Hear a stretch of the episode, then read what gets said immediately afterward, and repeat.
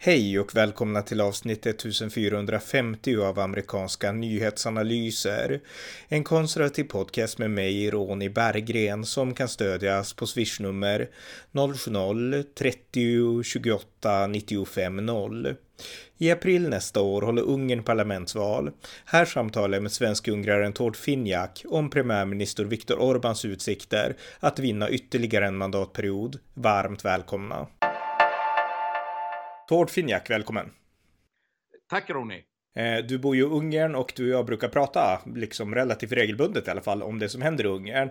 Och eh, vi ska prata idag om det val som Ungern kommer att hålla nästa år. Och det är ett val då där Viktor Orbán kan få nytt förtroende, eh, eller så får han inte det, vi, vi, får se. Men det ska vi prata om. Men jag tänkte vi ska inleda lite grann med att påminna om att i december, den här månaden, liksom för tre veckor sedan ungefär, då hade SVT, SVT Agenda ett program där en av deras journalister som heter Per Anders Engler intervjuades Ungerns, eh, jag tror att det var Ungerns utrikesminister i alla fall. Och eh, det här var ju ett program som, eh, ja, alltså vi som har följt svensk media och rapportering om Ungern, vi vet att Ungern ska alltid svartmålas, alltså man ska alltid betrakta Ungern och Ungerns politik ur mest kritiska möjliga perspektiv. Och eh, det var likadant i den här intervjun. Och det som slog mig det var att man har ju slutat prata illa om Polen. Därför att Polen räddade liksom EU från det här hybridkriget. Men man fortsätter att hamra på Ungern. Eh, jag vet att du såg lite av det här programmet också på SVT. Ja, det gjorde jag. Det gjorde jag. Jag tycker väl att det vi, vi har ju pratat lite om det Uh, också där alltså. Men det är ju samma sak Ronny. Uh, som, uh, som alltid. Det, det, det, I vanlig ordning så har de inget konkret som de tar upp. Och när de har haft konkret så är det väldigt lätt att, och, och motbevisa. Ta till exempel det här som vi också har pratat om tidigare. Men det här centraleuropeiska universitetet som de gillar. Eh, och, och ta upp och säger, säger att eh, ungrarna har slängt ut, vilket de inte har gjort. Och så, jag menar, vem som helst som åker till Budapest kan faktiskt gå och besöka det där universitetet idag också. Och, mm. ja, så, så jag menar, det, det är... I, i, I vanlig ordning så tycker jag det är halvsanningar, rena lögner också. Och, och, och, så att de bara nämner eh, en vinkel på det. Och så allting har ju också eh, en bakgrund. Ja, det finns ju en bakgrund till allting. Eh, och, och, och de nämner gärna inte den bakgrunden för att folk ska försöka få en förståelse heller va? Nej. Och jag, jag, tänkte alltså, vi behöver inte gå in på det här på djupet, men du och jag gjorde en podd i augusti, den 9 augusti, poddavsnitt 1365. Och det heter Svartmålningen av Viktor Orban behöver kontras. Och där går vi, framförallt du, eh, punkt för punkt igenom alla de här schablonbilderna som har kastats fram och går sakligt igenom varför de är fel. Därför att det som gör SVT så pass tråkiga, tråkiga är helt rätt ord, det är att de försöker inte ens förstå Ungerns syn på de här sakerna. Utan man kastar fram att nu har Freedom House skriver rapporter, de är kritiska till er och det här är saker som Ungern har bemött flera gånger under flera år. Men man försöker inte ens förstå liksom de här argumenten som Ungern redan har lagt fram för sin sak. Och det är det som gör det så tröttsamt att lyssna på de här liksom rabblen än, än en gång utan att de ens har försökt sätta sig in i liksom motståndarens, i det här fallet Ungerns egna argument. Det är det som gör det liksom äckligt nästan. Ja, det, det, det, gör det, det gör det vidrigt och det, på något sätt, som du säger, och, och, och liksom man bara ta en sån sak, jag tror jag vi var, eh, vi var inne på det här med eh. Där är, ett, där är ett riktigt sånt där exempel, va? där man, säger, man, man tar upp att eh, Orban var odemokratisk då när han förtidspensionerade, påstod man, de här domarna. Och då berättar de inte att de domarna som satt där till exempel var var samma gamla domare som, eh, som satt där under kommunisttiden också. Och det var ingen förtidspensionering utan han satt där över sin tid. Mm. Långt över sin eh, eh tid. För när Ungern blev en demokrati då så höll de kvar de platserna. För det var väl ungefär en sex stycken eh, familjer som styrde hela det juridiska systemet här i Ungern. Va? Och det var ju så korrumperat. Och det var ju, många av de där eh, var ju i lag med eh, maffian då, öststatsmaffian. Som eh, ledde, en av ledarna där, eh, eh, eh kommer från Bulgarien och heter eh, Peter Dobrev. Och han är ju då pappa till en av oppositionens främsta företrädare, Klara Dobrev. Mm. Ja, så, så den regeringen som satt innan eh, Orban-regering, många nämner ju den som en gangsterregering. Peter Dobrev, bland annat Klaras pappa, han var ju eh, väldigt misstänkt för eh, mordförsöket på påven, om du kommer ihåg det, när mm. det var. 80, 81, alltså Johannes Paulus 2, eller? Ja, tror jag det var. Mm.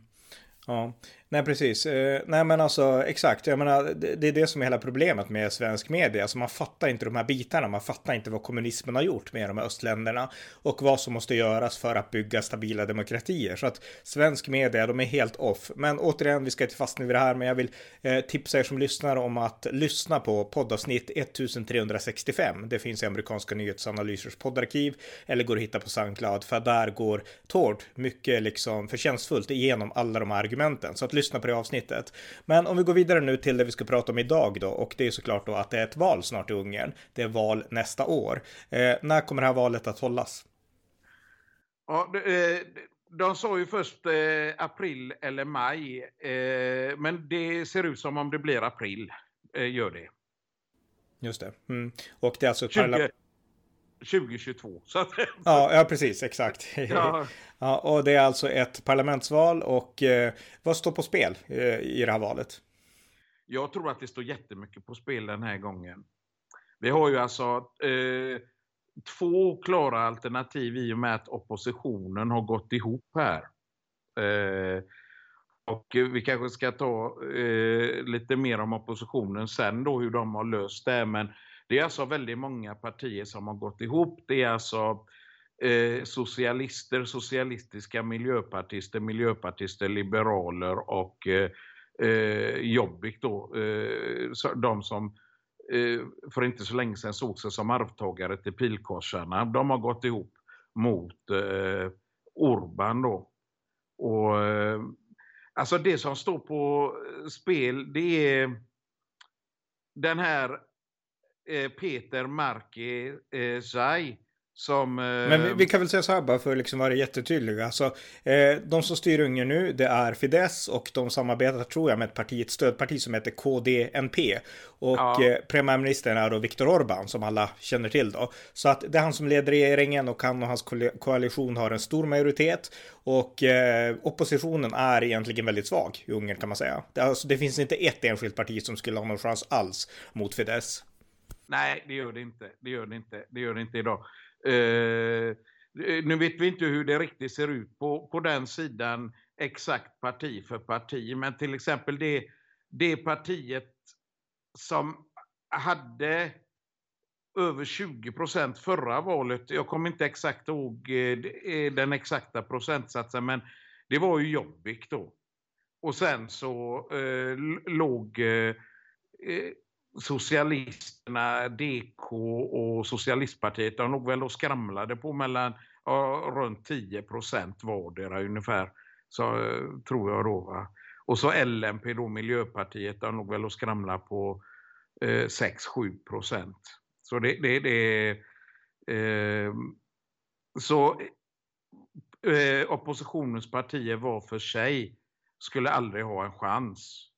Det, det, så är det. Mm, och den här, äh, det som nu har hänt då, det är att det bildas ett nytt parti som heter eh, Förenade oppositionen, som då leds av den här eh, Peter Marky Say. Så att berätta lite om, om liksom vad som fick dem att, att, att göra så här då. Ja, det var ju det att de, eh, eh de vill ju få bort eh, Orban.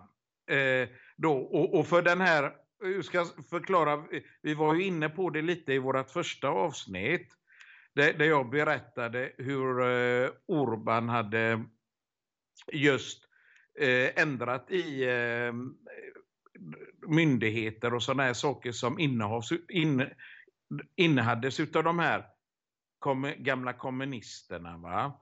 Och ska man titta på de som sitter i oppositionen så är ju några av de här som Ferenc Djordjan och hans fru eh, Dobra Klarev. Eh, det är ju alltså gamla kommunister som var med i eh, kommunistpartiet på 80-talet.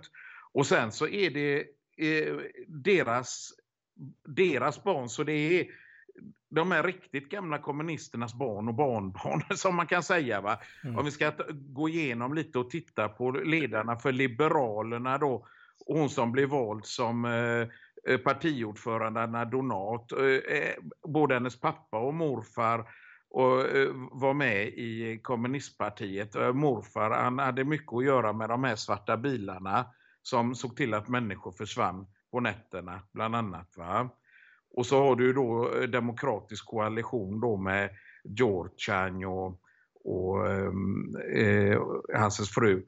Och sen även då i, hos Liberalerna så hade du Andras Fekete Jörg med, som också har eh, både morfar, farfar och pappa som har varit engagerade i högt uppe i, i eh, kommunistpartiet. Och, och du, du, har det även eh, i socialistpartiet då som egentligen är arvtagarna till det gamla kommunistpartiet. Så att det, det, det, är de som vill ha tillbaka den makten som de för, förlorade egentligen ifrån eh, eh, valet där 2010 när, när Orbán eh, städade ut de gamla kommunisterna.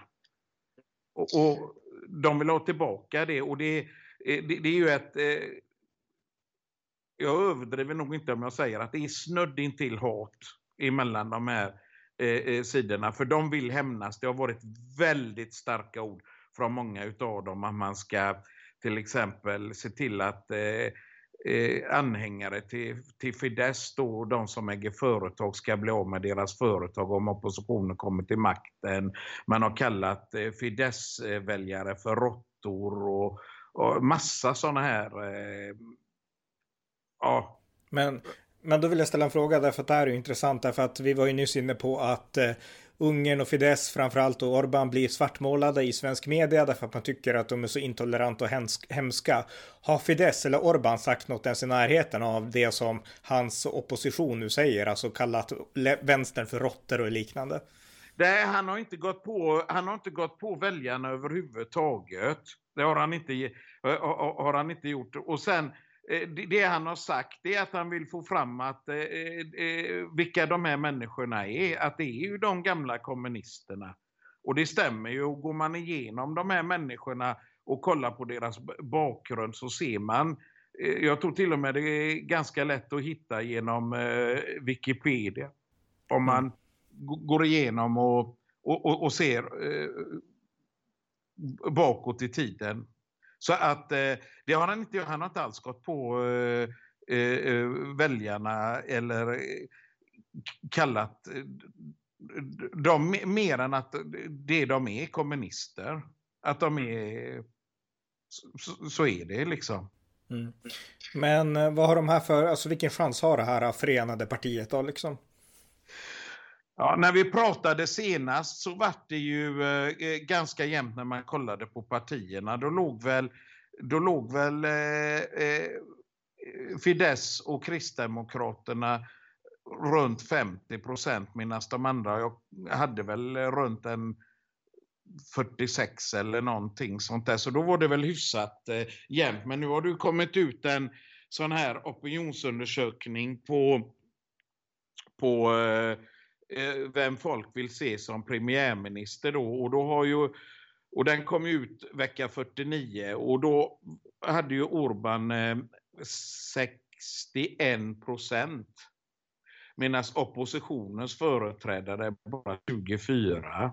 Och sen så var det några, eh, eh några då eh, som stöd, stödde andra småpartier som ligger runt omkring och skvalpar i, i eh, ytterringarna så, så att säga. Men som inte har med egentligen med mm, parlamentet att göra så som det ser ut nu då. Mm. Men alltså, vi har pratat tidigare om att andra aktörer från utlandet och till och med andra länder eh, ibland försöker lägga sig i Ungerns inre angelägenheter. Finns det något tecken på liksom utländska försök till att påverka inför det här valet och få liksom allmänhet? Absolut, absolut.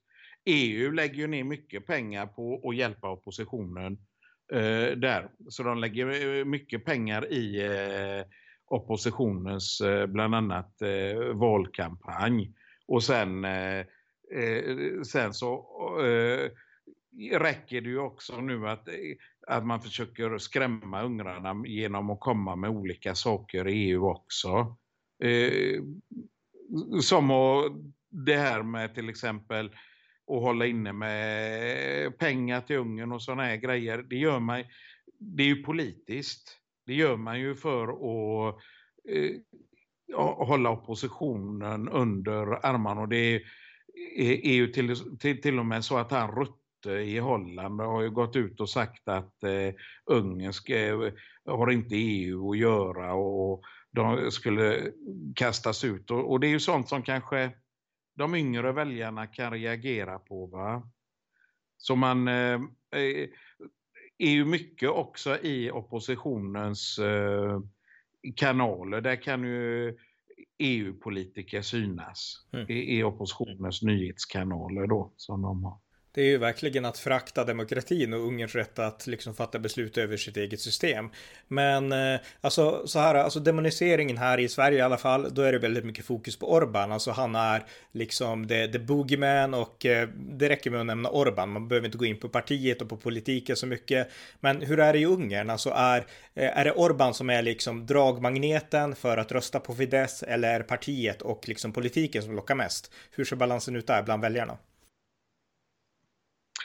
Ja, jag tror att många eh, väljer Orban just för att han är han är ju stark, det går inte att säga någonting annat om det. Han har ju uh, fått stå i motvind i stort sett sedan 2010 och stått upp för Ungerns intresse och uh, ungrarnas intresse då så att, att han är en stor andel i, det, i, i detta när de röstar på Fidesz. Det, det är onekligen så. Det, det, det, det är det. Mm. Och många kommer ihåg Hanses eh, eh, mer eller mindre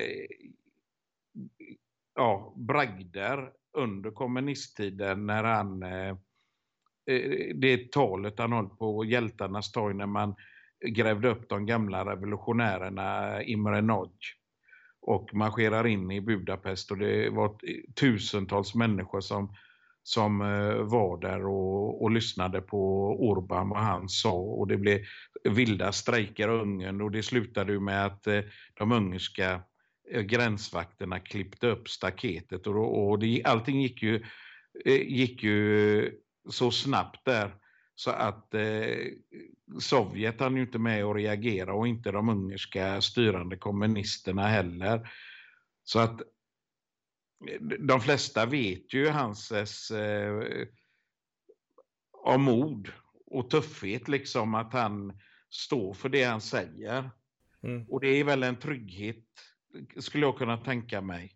Ja, men alltså du själv, du kommer ju rösta antar jag i valet och i, i april. Och vad, vad, är det som liksom, vad är det som lockar dig mest? Är det Orban eller är det partiet eller är det liksom helheten? Om vi, om vi tänker på dig personligen nu. Ja, eh, eh, det, det, för mig är det nog helheten, om man eh, eh, eh säger så. För att eh, jag skulle aldrig kunna tänka mig att lägga min röst på dels på gamla kommunister och, och den gamla, så att säga, adeln, politikeradeln, deras barn och barnbarn. Eh, trots allt så, så är det också så att min far då flyttade ju till Sverige eh, eh efter 56 från de här människorna. Mm. Och sen så skulle jag aldrig lägga mitt eh, röst på ett alternativ med ett starkt antisemitiskt parti som ser sig som arvtagare till eh, pilkorsarna. Och, och den gängen ingår ju också i vänsteroppositionen. Va? Det är en sak. Men sen så har jag ju sett de framstegen som eh, eh har skett under Orbans tid. Hur man har förvandlat eh, en arbetslöshet som har legat på över 11 procent till att då ligga mellan 3,8 4-4,2 procent nu under på covid-tiden kanske den har stigit till. Va? Eh, så han har ju sänkt den väldigt mycket. Köpkraften i Ungern har ju blivit eh, starkare män, människor har ju fått det eh, väldigt mycket bättre. Ungern har ju, även om man är konservativ så har ju Ungern blivit ett lite modernare land för man har ju satsat väldigt mycket på just det här med internet och sånt. Va? När eh, Georgia styrde då, då var det liksom sån här i stort sett långt efter, du vet, långsamt, du kunde knappt göra någonting. Och Orban sa med en gång, vi ska satsa på internet. Och nu är det nästan lika, ja, jag överdriver inte, det är nästan lika kraftigt som i, i, i Sverige. Så hela den strukturen har han ju verkligen lyckats med. Så att han har gett ungrarna den chansen att kunna eh, eh, följa med i utvecklingen i eh, internet och även eh, utvecklingen med sådana utbild IT-utbildningar och sånt. Han har satsat ganska skarpt på det. Och det visar sig också väldigt bra. Men sen så är det de här konservativa värdena som jag gillar då. Jag gillar ju det här med kultur. Jag vill ju att länder ska ha eh, sina kulturer. Jag tycker det är förskräckligt att kultur, eh, kulturer ska försvinna för det, det, det, är ju det man vill se också när man åker ut och reser. Man vill ju inte se eh, samma land hela tiden. Man, eh, ja, man mm. uppskattar ju att alla länder har sin kultur och jag tror det att eh, när jag flyttade till Ungern så känner man sig välkommen och eh, man känner sig också eh, delaktig i ett land som har en kultur för man vet vad, lite vad landet står för och man känner sig en del utav den när, när, eh, när man känner sig inte alls utfryst på något sätt som några påstår i Sverige att det inte är inkluderade. Det är visst inkluderade för man vill ju vara en del utav, utav det. Och när man känner att man är det så blir man ju också man blir ju godtagen som ungrare på något sätt på ett helt annat sätt. Man kommer in i livet mycket bättre och, och, och snabbare. Så jag, jag, gillar ju det att man vill bevara kulturen, historien som man aldrig ska slarva bort. De dåliga och de bra sidorna är lika viktiga i, i historien. Och, Ja, så helheten helt enkelt. Men jag tyckte det var intressant det du sa tidigare när du var inne på Jobbik och den här liksom, vi kan kalla den då för anti-Orban-koalitionen. Därför att här mm. i Sverige så, vi kommer också hålla val nästa år, riksdagsval då. Och då har vi en sida, vänster, vänster, liberal, vänster, vänsterliberal sidan kan man säga då med Centern. Som de menar att man måste göra allt för att hålla Sverigedemokraterna borta, som man menar är högerextremister och alla epitet som man använder. Men eh, alltså det du berättar om, om Ungern, alltså Jobbik och de här vänsterkrafterna, de gamla kommunisterna. Eh, där verkar ju de högerextrema och de vänsterextrema gå ihop för att få bort det här konservativa mittenalternativet. Och det, det är ju helt, ja, det är ju rätt intressant alltså. Ja, men de har väl sina beröringspunkter, fascister och kommunister. Men just det här med den starka kollektiv, eh, vad heter det, det kollektiva, eh, eh starka och eh, det här eh, att man motarbetar individens frihet. Att man är, eh, man är en, egentligen bara en bricka i ett mycket större maskineri som är mycket viktigare än vad eh, individen. Men, individ, tack att du hittade ordet för mig. Individen, ja. Och, och, så de har väl sina de har väl sina beröringspunkter tror jag faktiskt. Mm. Men, men det är ändå intressant, alltså, för jag menar, det visar ju ändå, okej, okay, det finns beröring, beröringspunkter, men det visar ändå att kanske framförallt kommunisterna, de är beredda att sälja vilka principer som helst, bara de får makt. Ja, det verkar ju så, eh, faktiskt. Och det mest märkliga var ju att till valet 2018 då vet jag ju, då var ju Jobbik hyfsligt starka och jag vet ju att judarna i Ungern var ju jätterädda då. Och eh, i och, med, i, i och med allting de sa just det, man vill ju bland annat eh, föra upp listor över judar i landet och ja, du känner igen de här mm. grejerna. eh, från en annan tid. Och, och då lovade ju alla då att man man lovade judarna att det aldrig kommer att hända någon mer gång i Ungern. Va? Och att eh, man aldrig skulle tillåta eh, Jobbik som ett sådant eh, parti med sådana idéer. Eh, att de skulle ha, ha någonting att säga till om. Och, och, och nu, tar, nu är man ju beredd att ta in dem i, i regeringen, så att säga, om man vinner. Va? Mm. Bara valet efter, om man säger så. Ja. Så det är, ju, det är ju inte något större som har hänt. Ja, det är ju några som har slutat i Jobbik och, och sånt. Men de som sitter kvar, de, de satt ju kvar. De sprang, de, de sprang ju där med svarta uniformer i ungerska gardet och, och, och, och sånt 2018. Va? Så att det eh, på fyra år att, att, att eh, de skulle vända som på en femöring och helt plötsligt eh, ja, tycka om judar och romer och allas lika värde och allting sånt där. Det, det, det är ju ganska, ja, vi vet ju hur det är med Sverigedemokraterna i Sverige, eh, eh att de har haft bara några sådana eh, partimedlemmar någon gång på 80-talet. Det håller man på och käbblar om nu. Mm. Fortfarande va. Här har vi ett helt parti. Ja, verkligen. Men, men det är intressant, exakt, här har vi ett helt parti och det, det är intressant att det vore ju, det är sånt här som SVT Agenda ska gräva i, liksom det här med höger och vänsterextremism hand i hand. Jag menar, som försöker utmana det här demokratiska sunda alternativet som är Fidesz och även Kristdemokraterna då. Men istället så hoppar man på från Sveriges håll då Fidesz, alltså det är de som är så hemska. Så man har ingen, man har ingen koll och man har inga perspektiv i Sverige. Nej, man, man tar ju aldrig upp de här grejerna heller och sen så försöker man också Sen så försöker man också, kan jag tycka, eh, på, på något sätt inte förstå det ungerska folket. Alltså, Ungern har ju inte haft demokrati i, i hela sin historia. Ja, det är från 90-talet då som man har haft demokrati. Va?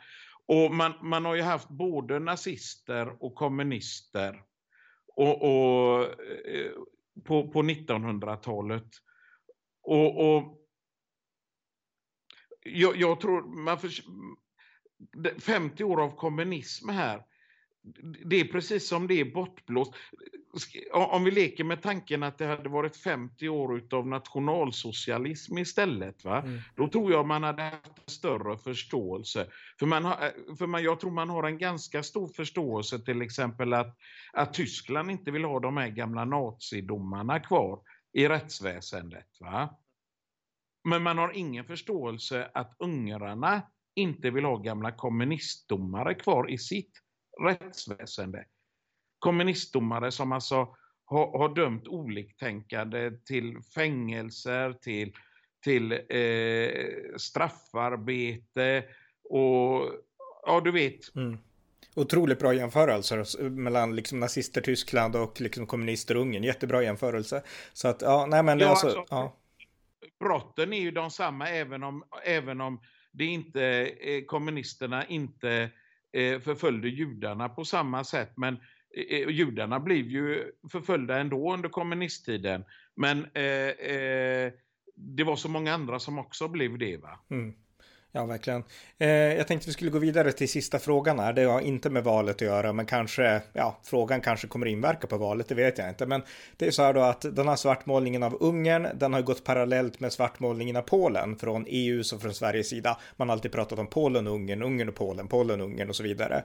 Men nu har ju Polen lyckats med att rädda Europa från ett hybridkrig. Det var ju så här att eh, Lukasjenko, diktatorn i Vitryssland, Belarus, han eh, flög in mängder av tusentals eh, migranter från Mellanöstern, från Irak tror jag framför allt. Och sen så försökte han pressa dem in i Europa, in i EU via gränsen till Polen. Men Polen är inte Sverige, så Polen satte upp en stenhård gräns mot Belarus och sa att ni kommer inte in. Och eh, till slut så fick Lukasjenko ge upp och de är tillbakaflugna nu de flesta. Och eh, man kan säga att Polen räddade EU från en ny massinvandring och visade att vi kommer inte acceptera de här vitryska och kanske till och med ryska metoderna. Och hela EU är ju tacksamma för att Polen har gjort så här. Så att nu svartmålar man inte Polen längre, utan nu pratar man bara om Ungern, vilket är ganska, ja, det är ju rätt hycklande alltså, men, men så är det i alla fall. Men jag tänkte fråga, just det här hybridkriget då som pågick mot Polen, hur, eh, hur påverkades Ungern av det och hur ställdes Ungern till det som hände?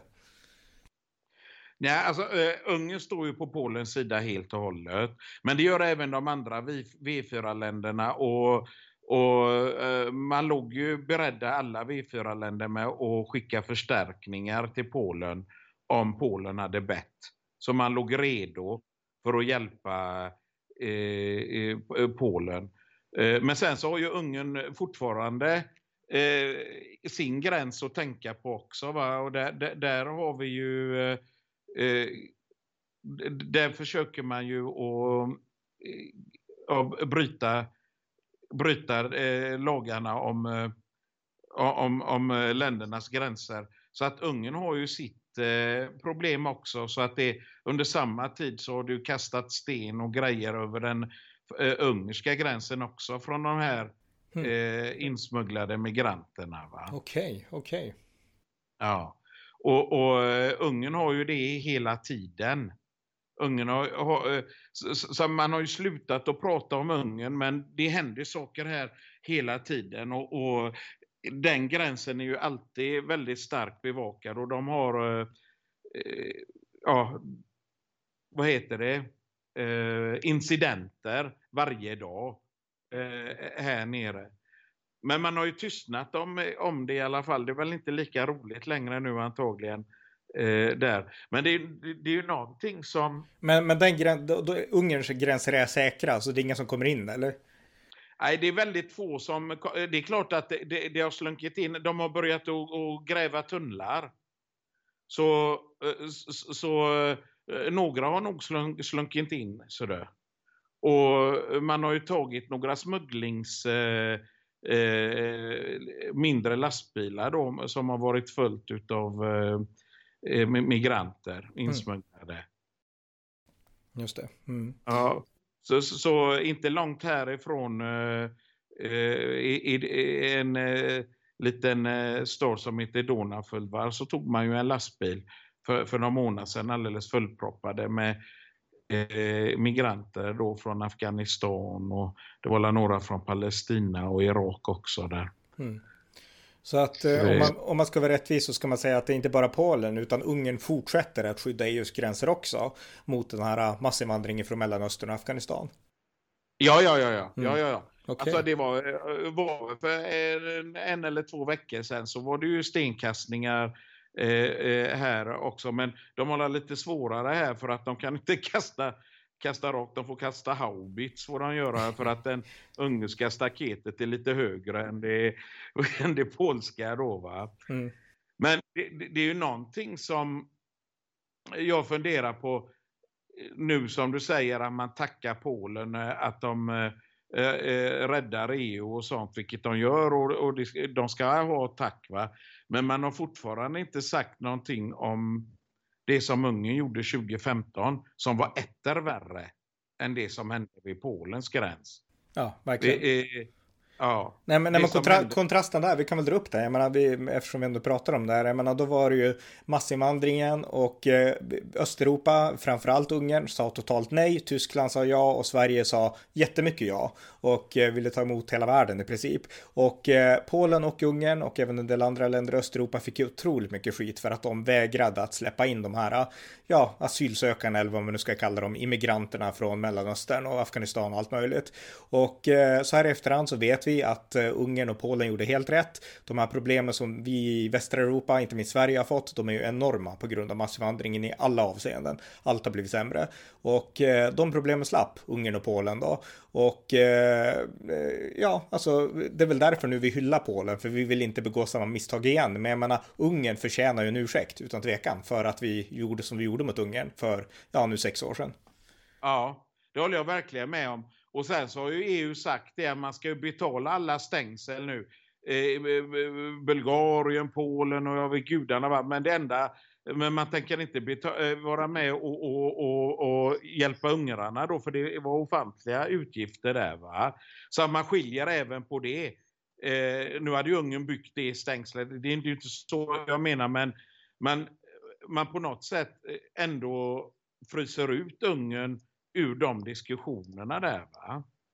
Ja. Och det är, också, det, det, är också väldigt, eh, för Ungern fick ju mycket stryk då innan stängslet. Jag vet, det var väl också första programmet jag berättade om plundringarna i de här eh, två närliggande eh, byarna som var. Eh, ja. Och, och, idén till stängslet kom ju egentligen utav borgmästaren i Arshotalom när de fick nog då efter eh, Eh, plundringen och då började han att bygga stängsel runt byn. Mm. Och det var ju då som Orban tog upp detta. Nej, här, här ska bygga stängsel och skydda hela landet då. Så att det var så det började då. Och det var ju väldigt mycket konfrontationer innan det här stängslet kom upp eh, då mellan eh, ungersk eh, gränspolis och gränsvakt och armén åkte ju ner hit också och eh, migranter. Så mm. det, det, var ju otroligt mycket våld. Då, eh, där 2015. Men det, det, fick ju ungen på tafsen för. Mm. ja, som sagt, en ursäkt väntas. Men som sista fråga då, så det har ju hänt en del i Tyskland också, i tysk politik. Angela Merkel, eh, som har styrt Tyskland i ja, mer än 15 års tid, hon har ju nu lämnat politiken, hon har efterträtts, hon, hon var ju kristdemokrat, men hon har efterträtts av en eh, socialdemokratisk förbundskansler som heter Olaf Scholz. Och eh, ja, Tyskland och Ungern har ju en viss historia ihop och inte minst en viss politisk historia. Hur kommer valet av Olaf Scholz att påverka ja, Ungerns ställning i EU och Ungerns relation till Tyskland tror du? Ja, så som det verkar så verkar ju han eh, den här, eh, de har ju mer eller mindre sagt att de ska gå på Ungern. Mm. Det har de ju sagt. Eh, eh tyskarna. Men eh, ungrarna, eh, ungrarna har ju svarat också att, eh, eh, att Ungern inte är någon tysk koloni. Så att det mm. Ja, så, så, att det, det, lär väl, det lär väl komma. Jag skulle kunna tro att det när de börjar bli, när tyskarna börjar bli lite mer varma i kläderna och installerat sig lite mer och ju närmare april vi kommer så, så tror jag nog att de kommer att hjälpa vänsteroppositionen. Eh, mm. Helt klart. Ja. Det, det, det, men jag tror också att det behöver inte vara till gagn för vänsteropposi vänsteroppositionen. För att jag tror att ungrarna är rätt trötta på det. För att eh, vänsteropposition, bland annat utav den här då Anna Donat som jag sa för Momentum och hennes eh, liberala kommunistkollega Eh, eh, Catalina Che är ju de, de, de eh, uppmanar ju, de står ju mer eller mindre uppe i EU och uppmanar EU till att göra sanktioner och straffa Ungern hela tiden. Och, och det har ju straffat momentum väldigt mycket för att de, de verkar ju inte ha lyckats alls med, med den taktiken. Och det såg man lite försmak utav det fick man just när oppositionen hade förval. Och då gick man ju ut då och eh, skulle välja kandidat till, ung, eh, till eh, mot Orban eh, för att man skulle ha en kandidat. Va? Mm. Och eh, Momentums dåvarande företrädare Andras Fekete Görg han, eh, han skrapade inte ihop någonting. Han de trodde ju att åtminstone att han skulle gå till de fyra bästa så att säga. Men det gjorde han åkte ut i första omgången. Och det gjorde faktiskt Jobbix också. Nej, han var med en omgång till Jobbix. Sen så åkte han. Så att det, eh, bland oppositionen så stod det ju mellan då Klara eh, Klara eh, Dobrev, en jag var inne på förut, och så en så kallad opolitisk eh, herre som heter per, eh, Peter Marki Zai då va? Zai. Och, och han eh, är ju borgmästare, han är ju borgmästare eh, här, var det här i Ungern. Och han har bott i Kanada och så när kommit tillbaka och, och, och, och, och nu ställde han upp mot Dobrev Klara. Och där var ju faktiskt Orban rätt rolig. För vem som helst kunde ju rösta där. Alltså han uppmanade Fidesz-väljarna Fidesz att rösta på Klara Dobrev. För att hon är väldigt impopulär i Ungern. ja, ja, okay. ja. Men hon vann inte utan det blev ju Peter som, eh, som har vunnit. Men han har ju gjort också sådana här väldigt klantiga uttalande som eh, han kallar då eh, ungrare för eh, svampar som lever på möglig jord och skulle låsas in i en källare eller vad det var han kom fram till. Så han, det, det förklarar väl hans popularitet på 24 procent om man säger så. Det är väl mm. inte rätt taktik att köra den om man ska vinna över väljare. Nej. så, så det det är mycket sådana förtal från, eh, eh, eh, från den sidan. Och sen så har ju då hon Katalina Käck då från Momentum. Nu har ju hon också blivit påkommen här med eh, affärer att hon eh, snor åt sig, hon har lyckats snå åt sig EU-upphandlingar. Och sen så tvättar hon pengarna genom olika bolag. Och det har ju kom, kommit upp här nu som en eh, stor grej. Och, och det är hon som då har, hon och hennes eh, polare Anna Donat har ju verkligen svärtat ner Orban och anklagat Orban för korruption.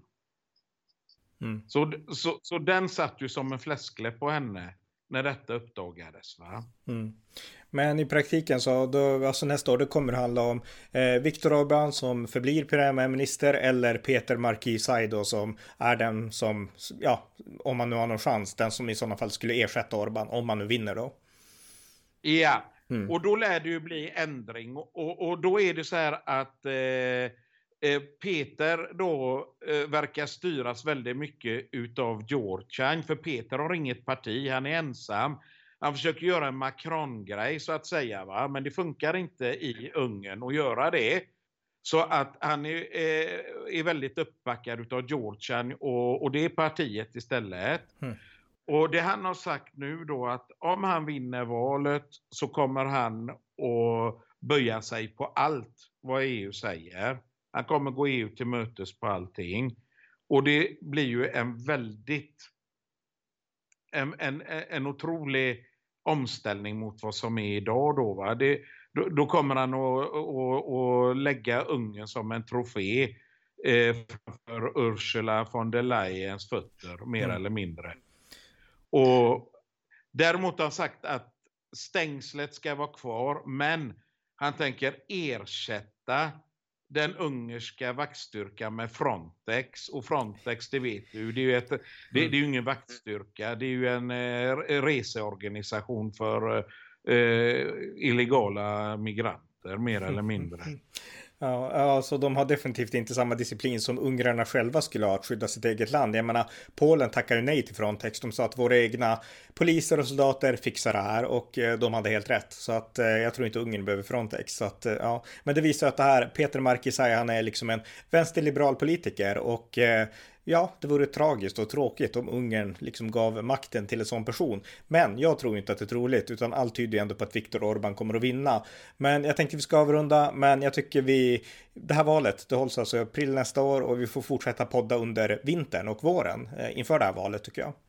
Ja, så kan vi eh, kolla upp lite eh, sådana här oppositionsmätningar, för, för de börjar väl eh, ramla in lite nu. De är inte lika frekventa som eh, de svenska då, men det kommer nog här eh, efter, eh, efter vintern skulle jag tänka mig. Och jag kommer att hålla dig uppdaterad på det faktiskt och, mm. och, och skicka dig när det händer någonting där. Ja, suveränt. Vi, vi, får fortsätta hålla ögonen på svensk media också, hur man rapporterar om Ungern. Det är också intressant såklart. Så att, men med det sagt så tack så mycket Tord för det här samtalet.